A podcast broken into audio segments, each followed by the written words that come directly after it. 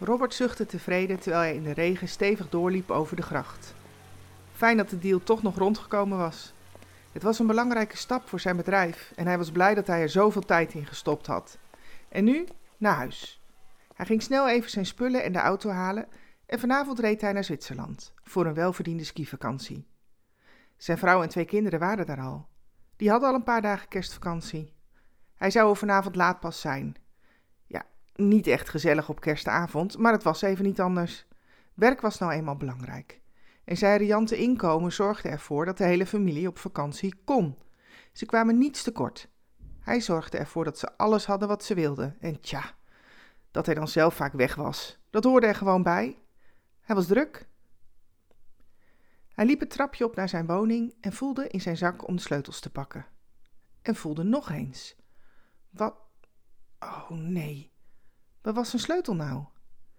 Hij zette zijn zakentas neer en doorzocht zijn zakken nogmaals. Niets. In zijn tas dan? Ook niets. Boos keek hij om zich heen. Ja, het werd al donker en zijn kantoor was ook al dicht. Trouwens, daar had hij nou ook geen sleutel meer van. Zijn woning was goed beveiligd, dus daar kwam hij echt niet zomaar in. Ja, dit kwam wel heel erg slecht uit. Hij voelde tegen beter weten in nogmaals in zijn zakken en besloot toen een slotenmaker te bellen. Maar ja, op kerstavond. Toen hij eindelijk iemand aan de lijn had, hoorde hij dat het echt wel even ging duren. De slotenmaker zou er niet voor acht uur kunnen zijn.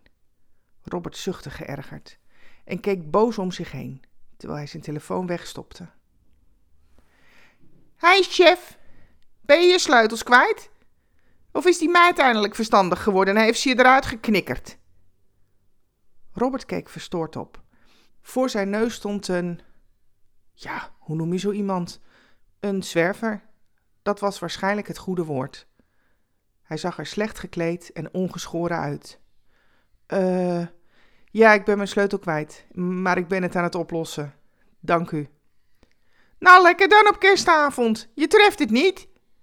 Eh, nee. Nee, dat klopt, maar het komt vast wel weer goed, sprak Robert ongemakkelijk.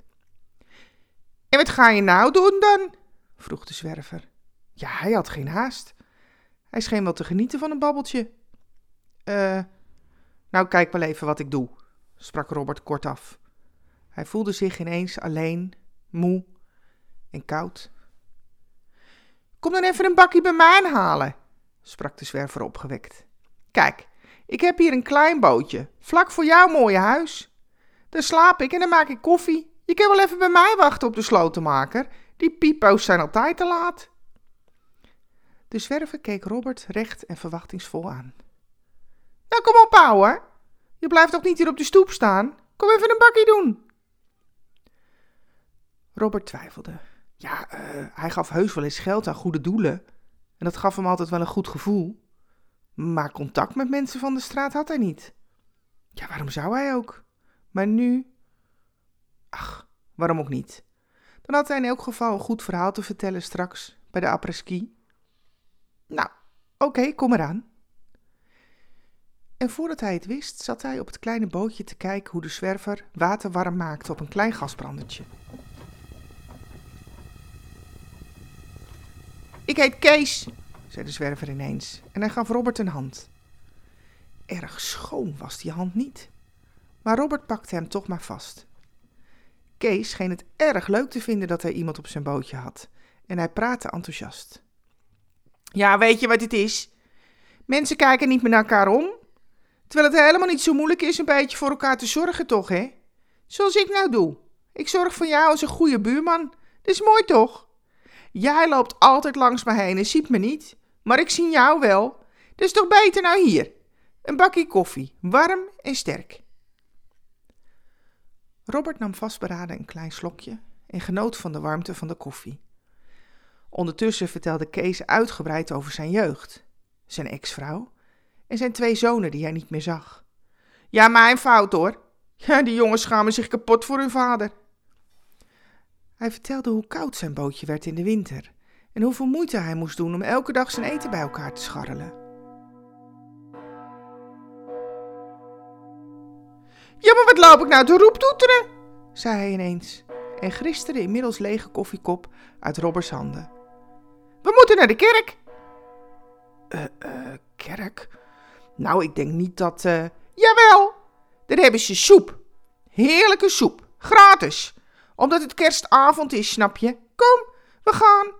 Beter in de warme kerk met soep dan hier op deze oude vloot. Of het nou kwam door het enthousiasme van Kees, de rare gebeurtenissen van die avond, of de veel te sterke koffie, Robert besloot om mee te gaan.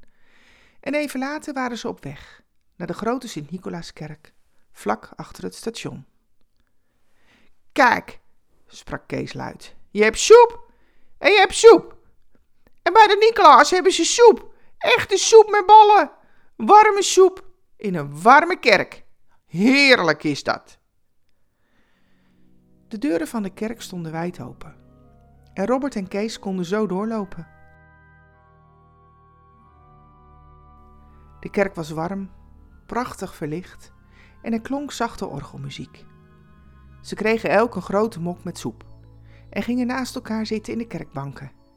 Nou, wat zei ik? Soep! Kees lachte tevreden, terwijl hij dankbaar de soep vasthield met twee handen en er bijna in leek te willen kruipen. Robert lachte mee en keek toen om zich heen. Voor in de kerk stond een kerststal. Met Jozef, Maria, natuurlijk een os, een paar schapen en een herder die om een hoekje keek. En allemaal keken ze naar de kribbe die in het midden stond. En in die kribbe een kind. Robert keek peinzend naar de kribbe.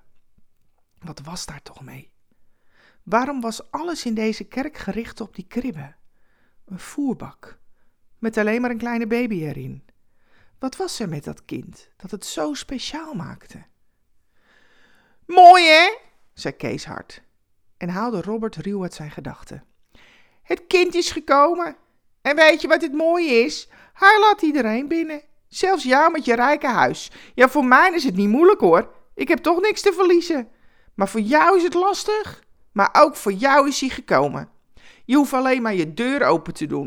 Nee, hoe mij nou praten, je deur open doen. Kom, we gaan eens kijken of die slotenmaker er al is. Robert schrok op uit zijn gedachten. Wat deed hij hier? Waarom zat hij in een kerk met soep en orgelmuziek?